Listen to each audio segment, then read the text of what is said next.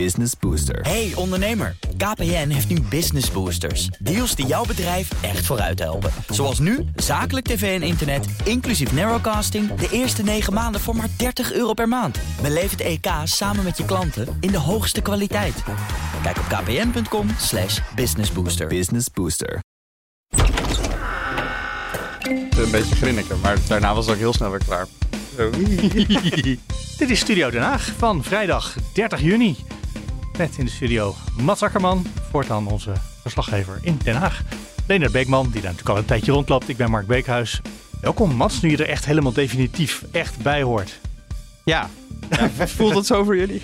Ja, nee, voel, je ik loopt voelde hier me op de al redactie, eh, op de redactie loop je natuurlijk al heel lang rond. Maar ik denk dat de mensen in de podcast tot nu toe als een soort eh, invaller hebben meegemaakt. eh, Ja, nou dat was, was Ja. ook wel. En dat dat nu ineens eh, gewoon elke week in principe, tenzij je volgende week meteen op vakantie bent.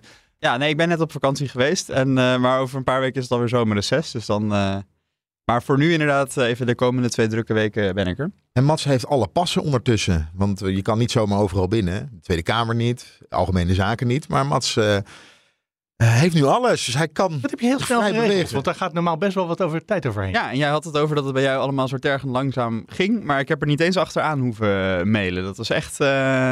ja, de, de, de pas voor de Tweede Kamer, dat was eh, heel snel geregeld. Die had ik voor mijn vakantie al.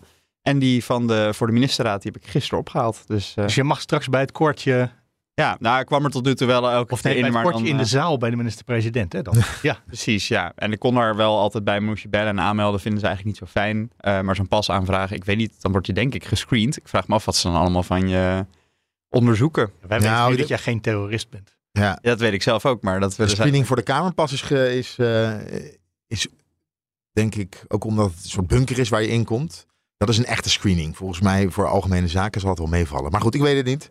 Nou, ik denk, ja, ik denk omdat sommige ministers worden beveiligd of bedreigd. Dan denk Ja. ik, dan, dan, daar kan je niet zomaar elke journalist die zegt, ik wil hier komen inlaten. Nee, precies. Oh ja, ik stond wel eens een keer vlak bij de ingang bij eh Algemeen Zaken, dus vlak bij het oude Binnenhof, zeg maar, te wachten op iemand. En ik stond een beetje stil te staan en dan duurde het wat langer dan gedacht, dus ik maakte een rondje. Toen werd ik ook aangehouden door iemand. Wat komt u hier doen, Wat meneer? komt u hier doen? En toen was er net was er die week iemand opgepakt die Mark Rutte bedreigd had.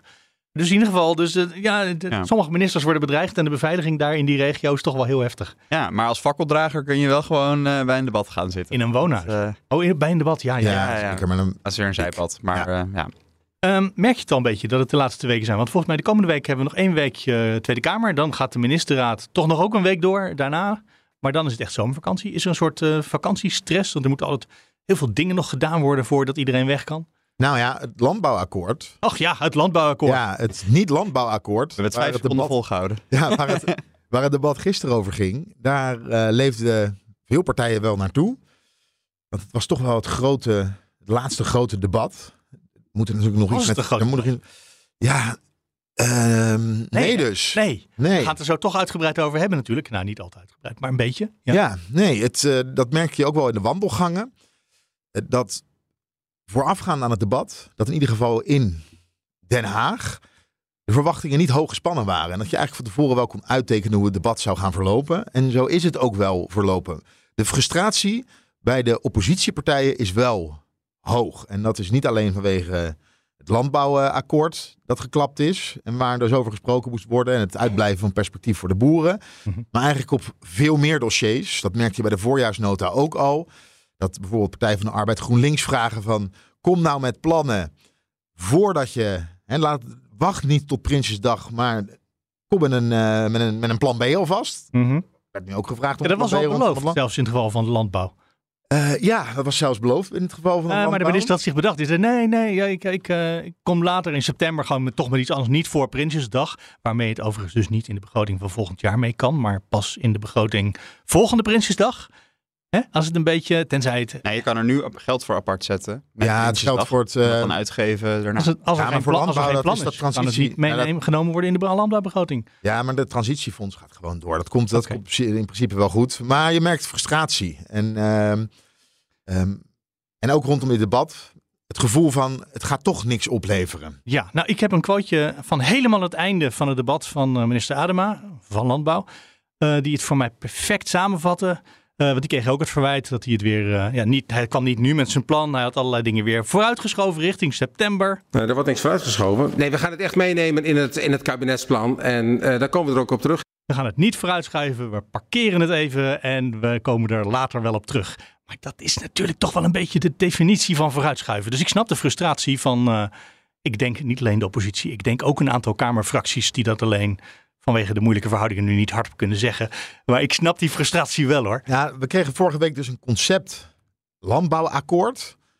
Um, en Wat ben ik blij dat je het woord concept landbouwakkoord. Ja, niet landbouwakkoord uh, kregen we Nee, concept is beter. Ja, en ja, er zitten nog te weinig handvatten in. Vindt bijvoorbeeld ook Caroline van der Plas. Hè, het PBL kan het ook niet doorrekenen. De Universiteit uh, Wageningen zegt we kunnen het nog niet doorrekenen. Uh, maar de coalitiepartijen zegt nee, zeggen nee. hier zitten genoeg handvatten in om op voor te beduren richting september. Maar als je dan het concept leest, want het concept is natuurlijk geschreven alsof het akkoord gesloten zou zijn, dan staat er ook: het was niet eenvoudig het akkoord te sluiten.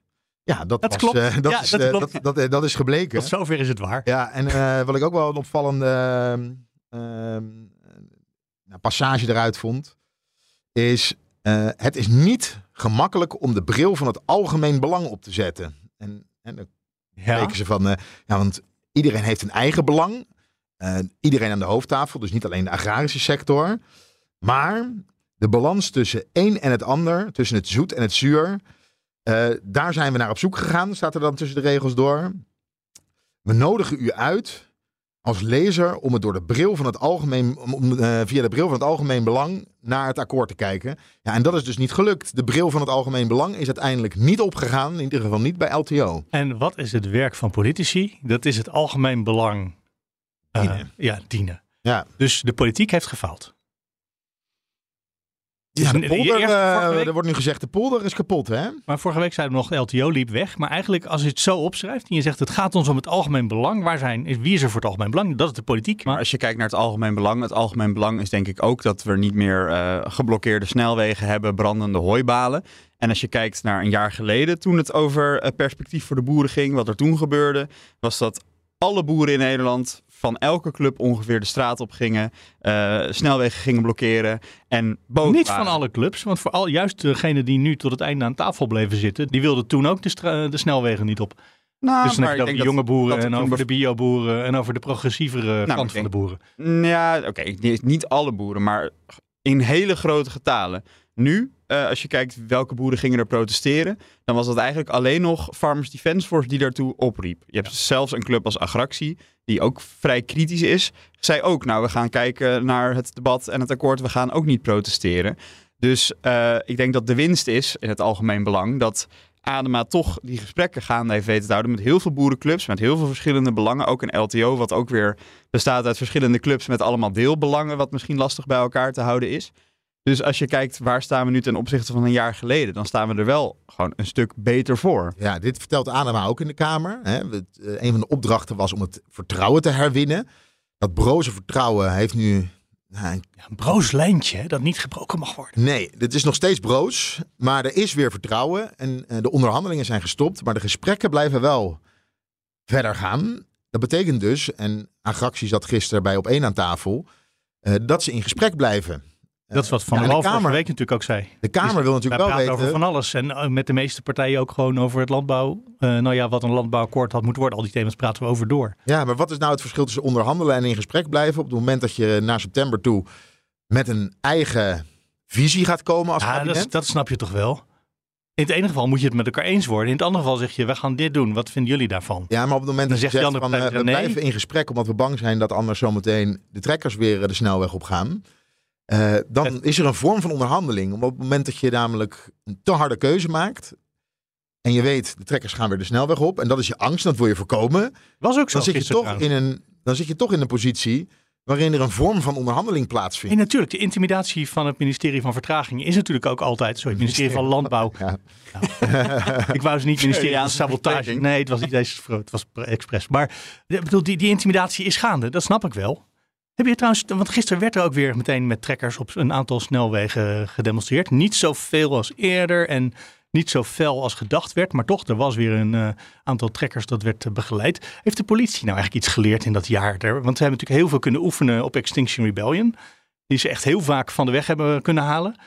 Uh, maar die trekkers die mochten toch weer gewoon door? Nee, die zijn wel Niet bij de begeleid. Kamer, hoor. Nee hoor. Dat- Er is echt, ik heb geen trekker gezien. Nee, daar niet. Maar wel bij eh, de A28 was het, eh, waar ze de snelweg op gingen.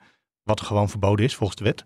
En dan ja, dan krijgen ze achteraf heus wel een boete. Hoewel je dus weet dat de, de kentekens afgeplakt zijn. Dus dat kan helemaal niet. Ik had wel afgelopen week een, een Haagse bubbelmoment. Ik eh, was uit eten met een collega Zat je journalist. erin of prikte iemand Ja, hem door? Of wat Iemand met prikte die mijn bubbel? Haagse bubbel. Eh, ik, vorige week vrijdag ging ik, eh, net nadat het concept landbouwakkoord was eh, gepubliceerd en we wisten van het CDA wil in ieder geval niet de heronderhandelingen voor de zomer starten, eh, ging ik uit eten met een oud collega, ook journalist, eh, maar geen Haagse journalist.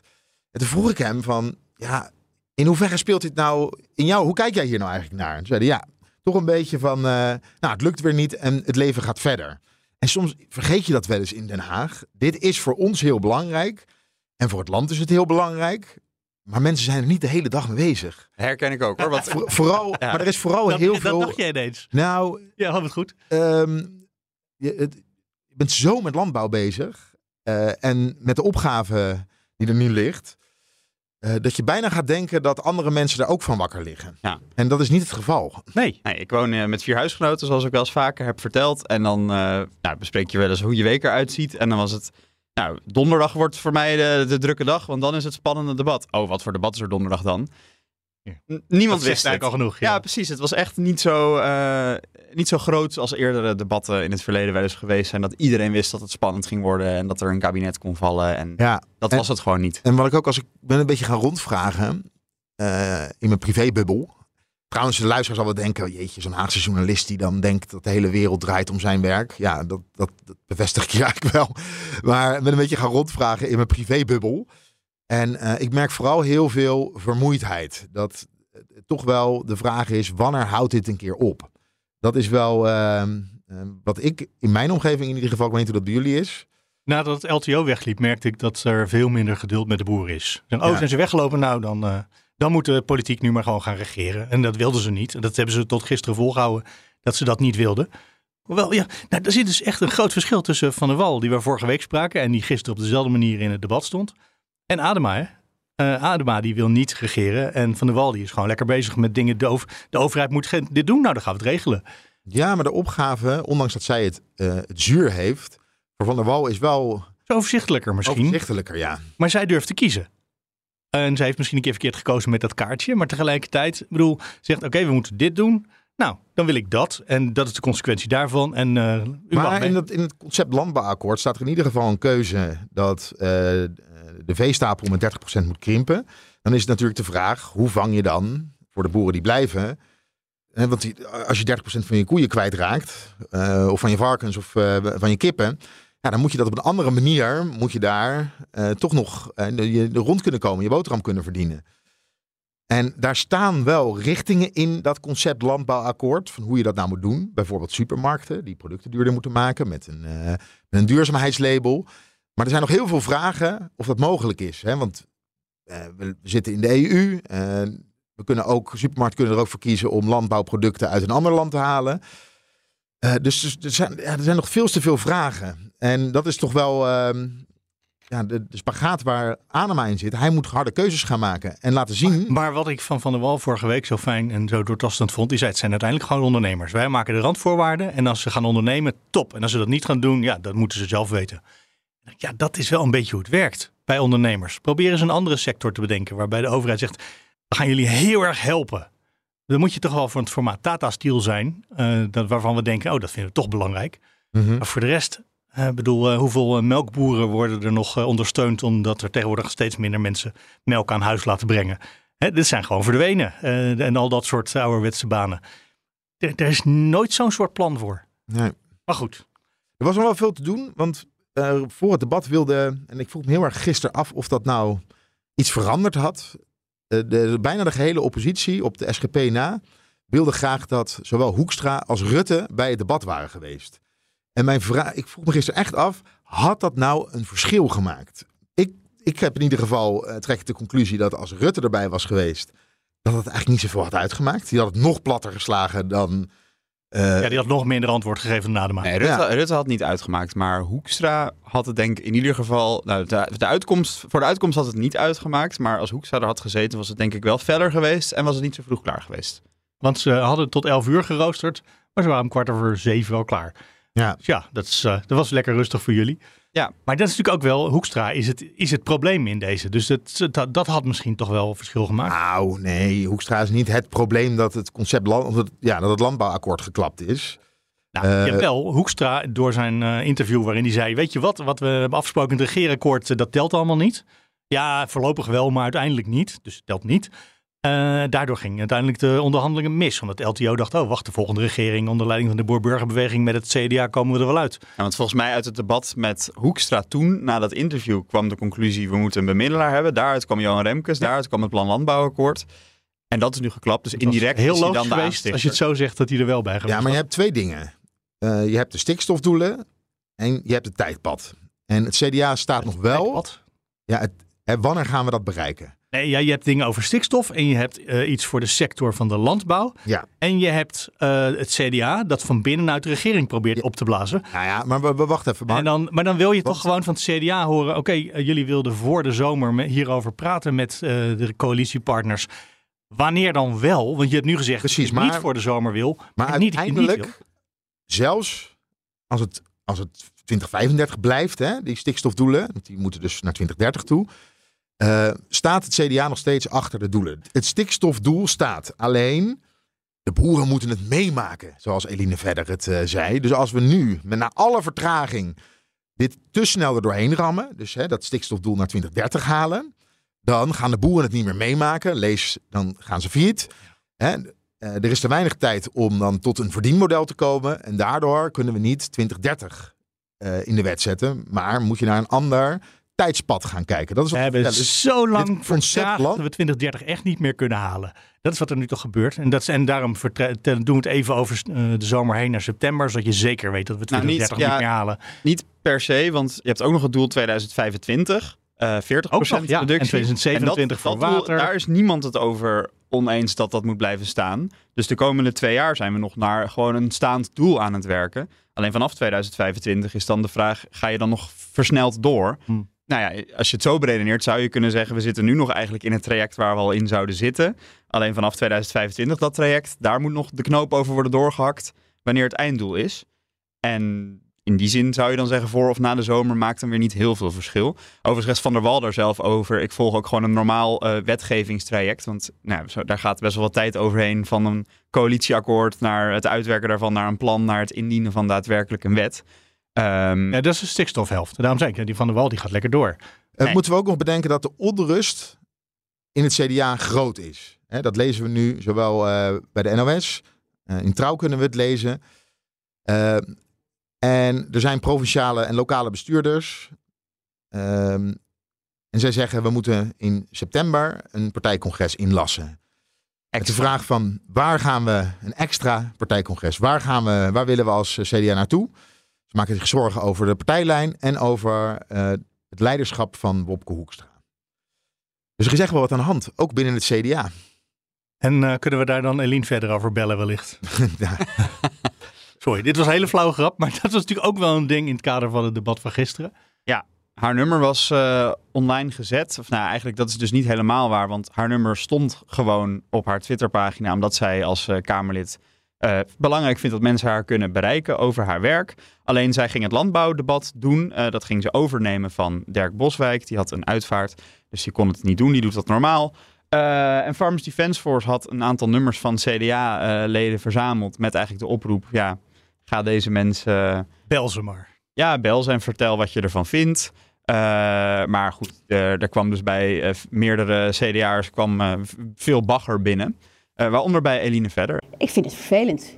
Ehm, maar daar blijft het bij. En op een gegeven moment sloeg het om naar milde irritatie. Ehm, maar tegelijkertijd snap ik ook heel erg wel. Ik snap wel waar de zorgen vandaan komen. Want die heb ik als boerin namelijk zelf ook. Eh, dus ik weet dat de emoties soms heel erg hoog kunnen oplopen. Dus het is ook geen verrassing voor me. Maar leuk is het niet. Maar nu bent u pas net Kamerlid en dan maakt u nu al zoiets mee. Eh, ja, bent u dan nog steeds wel blij dat u deze baan heeft genomen eigenlijk? Ja, tuurlijk. Want het is een ontzettend voorrecht om hier uh, die, uh, te mogen vechten voor, voor wat mij veel waard is. Um, ik had gehoopt dat ik uh, net als in de plekken waar ik hiervoor zat, dat ik ook die bereikbaarheid uh, zo kon houden als dat ik gewend was. En dat, daar moet ik nu dus na zeven weken achter komen dat dat misschien niet zo is. Nee, nu staat u vandaag toevallig omdat u een collega vervangt die afwezig is. Ja, uh, ja vindt u dat er nu achteraf gezien, denkt u nu, goh, had ik, had ik dat maar niet gedaan? Nee, natuurlijk niet. Nee, nee maar, dit is, maar dat zeg ik, want dit is bijna normaal geworden hier. Uh, want anders had mijn collega dit allemaal. En sterker nog, dat is nu ook al uh, het geval. Uh, hij, hij, heeft met precies hetzelfde te dealen. Ik denk dat er niemand in dit huis is die dit soort dingen niet meemaakt. Nou, heeft u ook het woordje sorry gekregen, hè, zei ja. u net? Ja, dat vond ik wel ontroerend eigenlijk. Ja, dat geeft dan toch weer hoop. Dat mensen toch ook tot inkeer weer komen? Ja, dat je misschien als de emotie wat is weggezakt denkt... oh ja, dat is misschien toch eigenlijk niet zo handig uiteindelijk, weet je, ik ben maar een mens, maar degene die het stuurt is ook maar een mens. Ja, shit happens. Ja, en hier op het eind, uh, dat hoor je misschien niet helemaal in de opname, maar zag je echt ook wel een beetje emotie. Klein beetje, Klein beetje tranende traantje. oogjes. Dus ja. uh, het heeft er wel echt wat gedaan. Nou, het is ook heel zacht. Zegt ja, dit, ja. dit zijn ook maar mensen. Dat, ja. Het is natuurlijk ook zo. Ja, is ook zo. En ze hadden dus ook inderdaad mensen die haar hadden geappt en daarna toch weer het, het goed hadden gemaakt via de app. Um, overigens vond ik het dat ze het debat wel erg goed deed, want zij is pas een maand Kamerlid. En uh, ik heb er later nog eventjes losgesproken. Want haar eerste echte debat in de Tweede Kamer was het Groningen-debat. Ook ja. super belangrijk groot debat. Uh, en nu uh, moest ze bij dit gevoelige dossier uh, invallen. En nou, voor, ja, voor iemand die daar pas net zit, vond ik dat toch wel opvallend. Dus ik heb haar daar ook nog even over gesproken. U bent recent in de Tweede Kamer gekomen en uw eerste debat volgens mij was over de afwikkeling van Groningen. nu vervangt u een collega bij het debat over het mislukte landbouwakkoord. Twee vrij forse debatten. Ja, er zouden mensen zijn die zeggen ik kom nieuw daar binnen en ik ga eerst even de kat uit de boom kijken. Uh, ja, die, die tijd was er niet echt. maar uh, dat is helemaal niet erg, want um, deze thema's, uh, zowel Groningen als de landbouw, zijn voor mij een, waren een hele belangrijke reden om überhaupt naar Den Haag te gaan. Um, dus, want als ik hier dan ben, helemaal vanuit Drenthe, dan wil ik ook iets doen wat het toe doet. dus ja, dan, dan, dan, dan wil ik daar ook graag onderdeel van zijn. Ja, dus want u heeft al wat ja, kennis van zaken. U bent zelf, uh, heeft een boerenachtergrond. Um, dus het was niet heel veel inleestijd voor vandaag dan? Of? Nee, qua inhoud uh, uh, vandaag niet.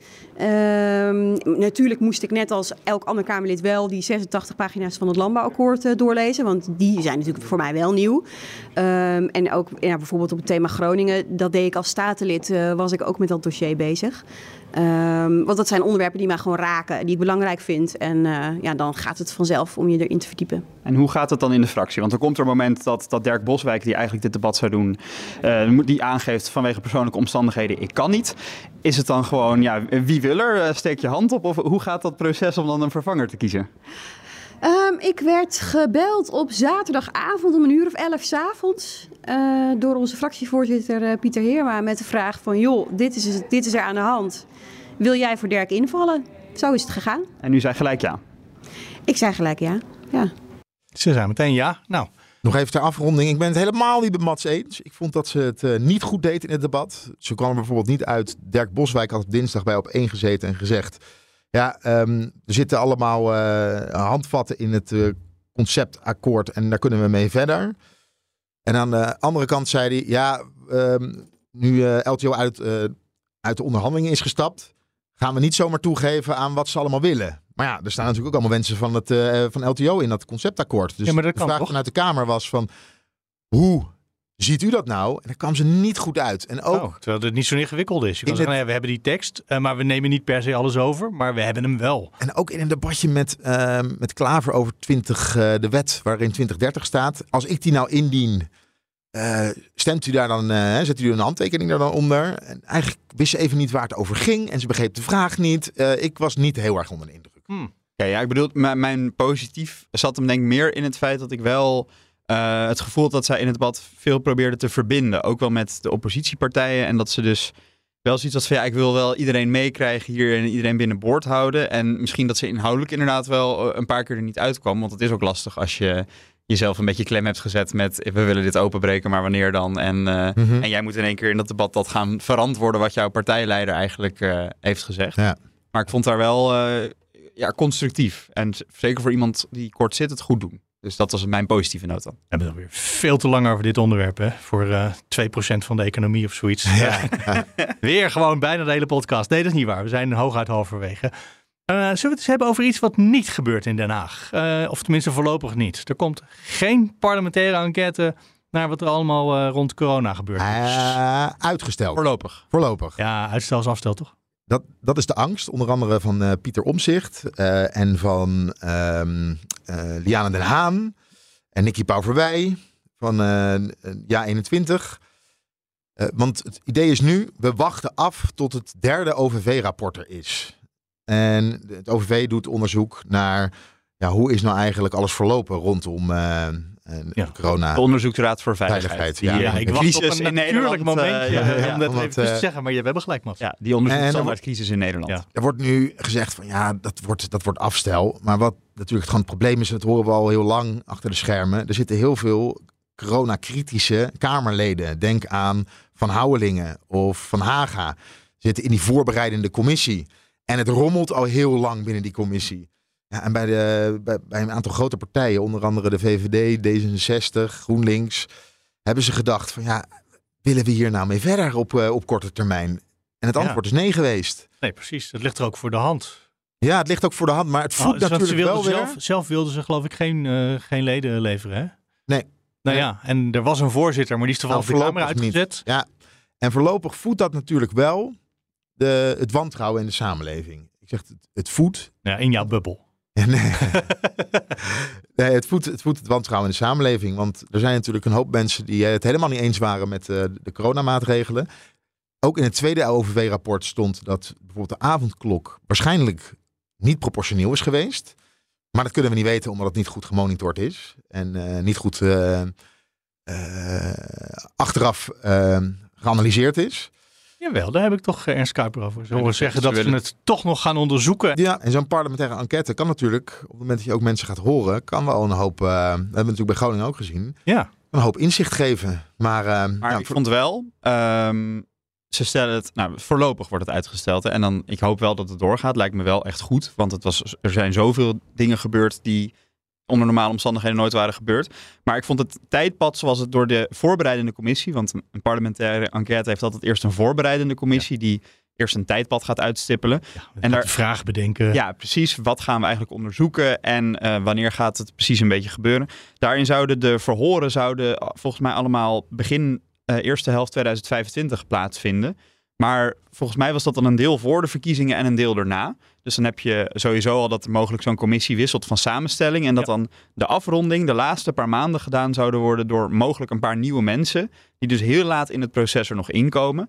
Dus ik denk dat als het iets later plaatsvindt, dat dat qua tijdpad helemaal niet zo heel onlogisch is. Even onder voorbehoud dat de verkiezingen in maart 2025 zijn, want dat weet je nooit. Bovendien loopt er op dit moment nog een andere parlementaire enquête die naar fraude en... eh, die heeft een hele ingewikkelde naam. Fraude en nog wat. Fraudesignalering Ja. en... eh, Ehm, de parlementaire enquête dienstverlening, handhaving en fraudebestrijding bij overheidsdiensten. ja, die dus. die dus, ja. Eh, dat is hoe Google het eh, auto aanvult.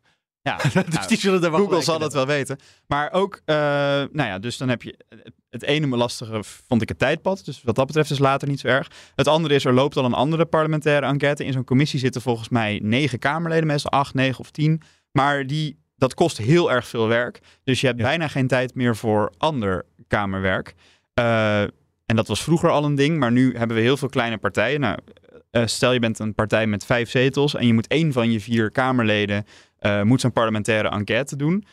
Dan komen al die andere dossiers onder nog minder mensen verspreid. Die hebben dus nog minder ja, tijd om zich in te lezen in ook gewoon lopende zaken die belangrijk zijn. Nou ja, landbouw, noem het maar op. Dat zijn ook gewoon belangrijke dingen. Dus dat die twee parlementaire enquêtes misschien qua tijd ook iets meer uit elkaar zitten, is misschien ook wel weer gunstig. Ja, weten we eigenlijk wanneer die OVV eh, met het derde rapport komt? Is dat te bekend? ja. In de loop van dit jaar. Dus wat dat betreft zou het logisch zijn om het in ieder geval in de loop van volgend jaar Ja. ermee te beginnen. Ja, Maar dat kan ook na de verkiezingen zijn, waarom niet? ja precies. Ja. Eh, iets anders. Wat voorlopig ook nog niet gaat gebeuren, maar daar is wel over gesproken en daar wilde jij het heel graag over hebben, Leendert. Eh, de democratie, die Ja. soms ineens onder vuur ligt. En eh, moet, misschien moeten we daar wat aan doen. Bijvoorbeeld politieke partijen die de democratie willen afschaffen, verbieden, voor ze dat doen. Ja, er was een ronde tafel versterking weerbaarheid democratie. En waarom is die er nou? Er ligt namelijk een, eh, een, wet voor. De wet politieke partijen, als ik het, als ik het Ja. goed zeg. Dat klopt. En daarin is een, eh, een element daarvan is dat er een mogelijkheid moet bestaan dat de Hoge Raad kan kijken of politieke partijen met een ondemocratisch eh, eh, element daarin, Ja. vaak grondslag, verboden kunnen worden. Dan moet je bijvoorbeeld aan een Sharia-partij denken. Of misschien wel een nazistische partij of een communistische partij. Pieter Heerma heeft dit in 2014 via een motie heeft hij dit al een keertje ingediend. Maar Ja. nu, er is natuurlijk... eh, Want op het ogenblik kunnen partijen niet verboden worden. nee, politieke partijen kunnen niet verboden het is wel worden. eens gebeurd, dus het kan wel. Maar er, is geen, er was ook geen wet op Ja, politieke omdat- partijen tot nu toe. Hè? Op het moment dat je, eh, volgens mij was het met de CP... eh, CP86. 80, ja. Ja. Op het moment dat je buiten het parlement, zeg maar, eh, ook eh, eh, radicaliseert en daar... Ah ja, ja, als je maar netjes radicaliseert binnen de gebouwen van de Tweede Kamer is niks aan de hand. Maar zo gauw je het een keertje ergens op het Malieveld doet, dat is gevaarlijk. Ja, maar... Zoiets. Maar goed, eh, daar werd over gesproken en er waren verschillende deskundigen. En die deskundigen zeiden wel, pas hiermee op. Dit is een... En het heeft natuurlijk alles met Forum voor Democratie te maken. Dit is een, ehm, eh, een politieke discussie geworden. Dat zou het niet moeten zijn. Waarbij politieke partijen over en weer de ander willen uitsluiten. En dit worden Amerikaanse praktijken. Zo werd het, eh, werd het onder andere genoemd door, was wel een hele interessante spreker. De schrijver van de Atlas van Afgehaakt Nederland. Oh ja. Een van de schrijvers daarvan. Zeker. Couperus. En hij zei, kijk daar nou mee uit. Dit moet echt een laatste redmiddel zijn. Want dit moet je eigenlijk als democratie niet willen. En dat was wel een geluid, dat hoorden we eigenlijk wel van alle deskundigen. En het idee is dus echt, op het moment dat er bijvoorbeeld een partij is... en het doel van de partij is om de democratie af te schaffen... en ze streven dat actief na... dan zou een hoge raad in het uiterste geval moeten kunnen zeggen... we gaan zo'n partij verbieden. Maar we hebben wel een mooie inzicht gekregen van hoe kijken nou eh, verschillende deskundigen daarnaar. Bijvoorbeeld Erik Akerboom van de AIVD vertelde een bekend verhaal. Van ja, sinds corona, waar we het net over hadden, is er een sterk element in de samenleving gekomen van een groep mensen die ook groter is geworden. Die het idee heeft dat er een elite is, niet alleen in de politiek, maar ook in de rechtspraak, in de journalistiek, eh, die het land bes- bestiert, bestuurt. En eigenlijk eh, ja, op, op slecht, met, met slechte intenties. Nou, daar gingen de wetenschappers gingen daar, eh, gingen daar ook op in. Maar dat vond ik ook wel interessant wat Tom van der Meer zei, hoogleraar politicologie aan de Universiteit van Amsterdam. Ook hij zei van ja, op het moment dat je gaat zeggen van een politieke partij moet verboden worden, begeef je je in gevaarlijk vaarwater. En kijk nou of je die wet beter kan formuleren. Dat je een escalatieladder inbouwt. Waarin je dus ook bijvoorbeeld in een vroeger stadium al kan beboeten. Ehm, Een beetje zoals dat met, eh, hoe heet die omroep, eh, waar niemand, eh ongehoord, ongehoord Nederland, ja. Ik wil zeggen waar niemand naar luistert. Ja, die.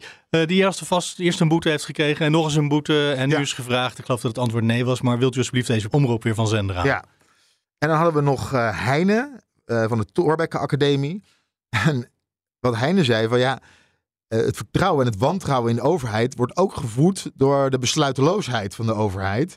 Dus als je daar iets aan wil veranderen, moet je er eigenlijk voor zorgen dat jullie wat eh, daadkrachtiger worden. Dacht ik, Meer dat, van de verhaal, wal, minder adema. dat verhaal kennen we ook. eh, Ja, ja. Daar hebben we het net over gehad, het half uur. Ja, dus dat, eh, het was eigenlijk een hele interessante hoorzitting om, eh, om bij te zitten. Ja. Eh, gaat er iets van veranderen? Ja, jij zei sharia-wetgeving trouwens. En dat is interessant, want lang, lang geleden toen die discussie begon, toen minister Donner nog minister van Justitie was, denk ik, Mhm. die kreeg precies deze vraag. Moeten we partijen niet kunnen verbieden? Ja, en dat, dat was dus van. En Donner zei toen, als Nederland een sharia wil invoeren, ja, dan wil Nederland een sharia invoeren. Daar kunnen we als democraten niks aan veranderen. Ja, dat is natuurlijk de discussie van. eh, eh, is het democratisch om de democratie af te schaffen? Als je dat met een Nou, er meerderheid kwam ook heel veel eh, kritiek op Donner toen. Maar ja. dat is, dus het was zo grappig dat het nu dus het CDA is, die je in 2014 met die motie begon. mhm. Maar daarvoor was hun eigen CDA-minister ook al. Die zei nee. Als mensen, als, als de meerderheid in Nederland eh, allemaal eh, moslim wordt en allemaal sharia blijkt te willen, gaan we dat toch niet tegenhouden? Nou ja, het zou dus democratisch zijn. Maar er zit dus Heel een, democratisch. de vraag is, zit er een grens aan, eh, aan de democratie? Ja. En die grens zou dan moeten zijn het opheffen van de democratie. Ja, alle, alle grenzen die je binnen de democratie weer terug kan draaien, die zijn oké. want die kan de volgende verkiezingen kan je die weer eh, ongedaan maken. Maar het opheffen van de democratie zelf kan je na verkiezingen niet meer ongedaan maken. Nee, dan, Nee. eh, Daar, daar ligt dan de, grens. grens, Als je hem ja. wilt trekken, ligt die daar. Ja, en dan werd er, een- Pieter Heerma had een eh, opiniestuk geschreven in de Telegraaf. En die verwijst dan ook naar Goebbels, die ooit, Inspiratiebron in deze. ja, die in 28, 1928 eh, in de Rijksdag kwam. En daar eigenlijk zijn verwondering uitsprak dat hij daar was, omdat zijn intentie toch echt was om de boel daar af te schaffen. Ik vind niet, die vergelijking vergelijking met de Tweede Wereldoorlog zijn natuurlijk altijd heel gevaarlijk. Maar Ja. ehm, het was in ieder Het was ook geval de wel... eerste keer dat ik zei dat, is- dat Goebbels inspiratiebron was. Dat Ja. vond ik ook wel eens verfrissend van mezelf. Ja, En- unlike you. ja, precies. Maar als je ziet het belang van alle partijen voor de hoorzitting. Hermans van de VVD was er, fractievoorzitter. Paternotte, fractievoorzitter D66. Heerma, fractievoorzitter CDA. Is echt wel ja, Kuiken. eh Baudet zat er. eh, Dassen was er. Eh, kortom, er was echt een, een sterke afvaardiging daar naartoe gegaan. Om toch maar aan te geven hoe belangrijk dat onderwerp was. Ja, en in de beeld, want ik heb het niet gevolgd, maar in, de, in beeld was het ook nog wel heel mooi. Want bij zo'n commissiedebat zitten ze dan al in zo'n halve cirkel. Dus ze zitten naast elkaar, terwijl ze met elkaar moeten debatteren. En Jan Paternotte van D66 zat naast Thierry Baudet van Forum voor Democratie. Eh, nou, aardsvijanden kun je denk ik wel zeggen in het debat dan. Eh, en het debat werd door Forum een beetje een debat gemaakt van jullie willen Forum verbieden. Eh, en de, de, de beeld, hoe zeg je dat? De lichaamstaal die was ook echt ontzettend sprekend. Want elke keer als Paternotte aan het woord was, dan zat Baudet op een pen te bijten en boos op tafel te tikken. En als Baudet dan weer ging praten, dan sloeg Paternotte zijn armen over elkaar, keek hij naar boven, ging hij zuchten. Dus eh, je zag ook wel, er zag er wel, zat ook wel veel ongemak in het debat. Dat is wat ik kon zien van de, de beelden die ik gezien heb. ja het, was, het was wel echt genieten wat dat betreft. eh, om die twee zo naast elkaar bezig te zien. Het mooie van het debat direct van de Tweede Kamer is dat je het gewoon nog terug kan kijken. Dit was op woensdag, dinsdag, Woensdagochtend. Woensdagochtend. woensdagochtend. Nou, Ja. gaan we nog even terugkijken. Ehm, ik heb nog iets anders. De Tweede Kamer er wordt heel, heel vaak gezegd dat die veel bezig zijn met zichzelf. En ze worstelen heel erg. Dat is ook iets wat je in de grote zaal, in de plenaire zaal altijd wel ziet. Met wat je nou mag zeggen, wanneer de voorzitter moet ingrijpen. En van de week was echt een prachtig voorbeeld. Eh, De, voorzitter van die vergadering, ook in zo'n eh, commissievergadering, dus in zo'n hoefijzer, netjes eh, naast elkaar, Minas, die, ehm, die had regelmatig dat hij vond dat de mensen over de scheef gingen. Het ging over eh, luchtvaart. Maar daarbij liep je heel langzaam het drijfzand in. En elke keer als hij weer iets zei, dan kwam hij daardoor ietsje verder vast te zitten voor mijn gevoel. Daar wilde ik even iets van laten horen. Eh, laten we beginnen bij eh, meneer Van Raan van Partij voor de Dieren. Voorzitter, falen op de wettelijke verplichting van de comptabiliteitswet. Falen bij de commissie MER. Falen op een brede welvaarts-MKBA van de herziening luchtruim. En terwijl de sector haar license to operate nu heel hard aan het verliezen is, zet deze minister ziende blind, horende doof, keihard door en koerst keihard op op het schenden van de beginselen van behoorlijk bestuur. Op dwaling. Dank u wel, meneer Van Raan. En ik wil u als, eh, als onafhankelijk voorzitter toch nog even wijzen op een aantal zware woorden die u gebruikte, zoals dwaling eh, richting eh, de minister. Ja, dat is bijna strafbaar, geloof ik, voor eh, ministers, hè, een dwaling. Dus dat is, nou, daar wordt hij op aangesproken. Vergaan neemt dan ietsje terug, nou, in de letterlijke zin van het woord niet, maar hij benoemt het nog een keer wat vriendelijker. En dan in ieder geval de voorzitter die herkent dat het wat vriendelijker is. Als dat falen blijkt, dan ben je aan het koersen op eh, het, het ondergraven, het schenden van eh, het beginsel van behoorlijke bestuur. Eh, wat dan ook een dwaling in zich houdt. Dus ik zeg niet dat hij het doet. Ik zeg wel dat er allerlei aanwijzingen zijn dat hij daar op weg naartoe is. Ik ga niet als voorzitter over het gebruik en het kiezen van de woorden. Ik vond het zware woorden, daarom eh, ben ik blij dat u ze nader heeft toegelicht. Nou, dus het gaat nu nog niet mis, maar ik ben wel heel erg bang voor de toekomst. Maar goed, dan eh, mevrouw Kreuger, die wil even iets toevoegen. Mevrouw Kreuger, u wilt er nog iets over zeggen? Ja, voorzitter, ik wil toch de, uh, opmerken dat ik de voorzitter iets wat selectief vind. We hebben hier een lid wat net heeft gezegd dat er zeker een parlementaire enquête komt, wat ook een heel zwaar oordeel is. Ja, dat is bijna, daar komen tribunalen, hè? daar komt een parlementaire enquête. Dat was trouwens uh, Dion Gruis. Ik vind dat echt heel erg. En daar gaat ooit een parlementaire enquête over komen. Daar wil ik de minister ook dadelijk mee confronteren. Want je moet een minister waarschuwen uh, van kijk uit, U bent echt verkeerd bezig en ook de regering. En ooit komt de minister wel voor een enquête te zitten. Minstens zo zwaar zou ik zeggen als de minister van een dwaling uh, betichten. Uh, nou, de heer uh, zegt dit volgens mij bijna elk commissiedebat. En daar wordt nooit op ingegrepen. Dus ik voel hier toch enigszins een neiging om dit punt te die parlementaire enquête, dat is een voorspelling voor mij. En het, ik heb niet voor niks de naam Nostradionis. Mijn voorspellingen komen tot nu toe altijd uit. Ja, eigenlijk doet hij hetzelfde als wat Van Rijn in het begin doet. Hij zegt ook, nee, maar het gaat niet over nu, maar het is wel iets wat een keer gaat gebeuren in de toekomst. Dus die loopt ook een klein beetje terug. Uh, overigens, zowel Graus als de voorzitter zeiden ja, maar de vorige keer bij het vorige debat is er wel heel hard ingegrepen op wat Graus zei. Uh, maar goed, die voorzitter die heeft natuurlijk een beetje het gevoel dat hij misschien iets te veel links aanpakt deze keer. Dus laat hij ook eens iemand wat meer naar rechts, als als ze zichzelf als meer centrum aanduiden. Mevrouw van der Plas van de Boerburgerbeweging, ga er gang. De brief van de minister van Natuur en Stikstof laat zien dat de luchtvaart zich eigenlijk niet extra hoeft in te spannen om de stikstofuitstoot te verlagen. Terwijl een hele sector, te weten de landbouwsector, letterlijk over de kling worden gejaagd. Um, ik heb net een uh, collega van u aangesproken op woordgebruik. Uh, ik hoorde u zeggen, ja, het kabinet jaagt mensen over de kling. En daar zei u letterlijk bij. Uh, letterlijk heeft over de kling jagen een hele vervelende betekenis. Namelijk iemand aanzetten tot, tot moord. U bedoelde, neem ik aan, figuurlijk. Ik wil er toch even op reageren. Ja, dat mag. We moeten nou niet hier echt op elke slak zout gaan leggen omdat er wel eens iets bedoeld kan worden en dat weer iedereen gekwetst is en zo. Laten we nou gewoon lekker debat voeren. Ik vind het wel heel krampachtig. Nee, maar mevrouw van der Plas, ik snap het. En ik, als u. Kijk, ik, heb, ik ben zojuist beticht voor het selectief zijn doordat ik iemand aansprak. Dat dus, zijn uw collega's geweest. Daarom heb ik u bewust op dit zinnetje gepakt, om, uh, gepakt aangesproken. Omdat u uh, erbij zei letterlijk, excuus. En u bedoelde figuurlijk. En ik weet ook dat u dat zo bedoelt. En daarmee ging hij snel door naar het volgende onderwerp. Maar ik heb Van der Plas ook wel eens in het verleden horen zeggen, dat was wel in de plenaire zaal, dat uh, het beleid van de overheid mensen uit de landbouw tot zelfmoord drijft. Dus ik denk, we hadden het even moeten navragen, maar ik denk dat ze het wel letterlijk bedoelden.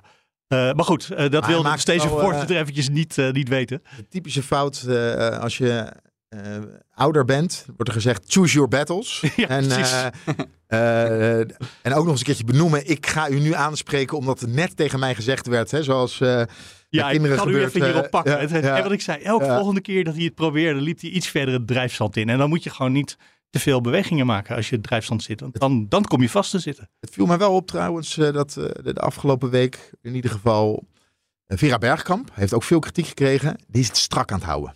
Ja. Dus het echt strak aan het houden. Uh, dus zij. Uh, die heeft het langzaam in de vingers. Hè? Langzaam gaat ja. het in de vingers krijgen. Er komt nog een moment dat we een hele goede voorzitter vinden ineens. Ja, ja gaan die kant op. Of is dat voor of na de verkiezingen? Dat is de vraag. Ja, en wanneer zijn die verkiezingen dan? Ja. Uh, die had ook weer zo'n momentje. Want Adje Kuiken zei in het debat over Adema iets van uh, Reutel. Vorig jaar stonden we tegenover elkaar. De overheid en de sectoren die aan tafel zitten. Nu... Gaat dit het hele debat zo... Ja, wacht, wacht, even de minister is antwoord. Nee, u gaat niet door de woorden praten van de minister.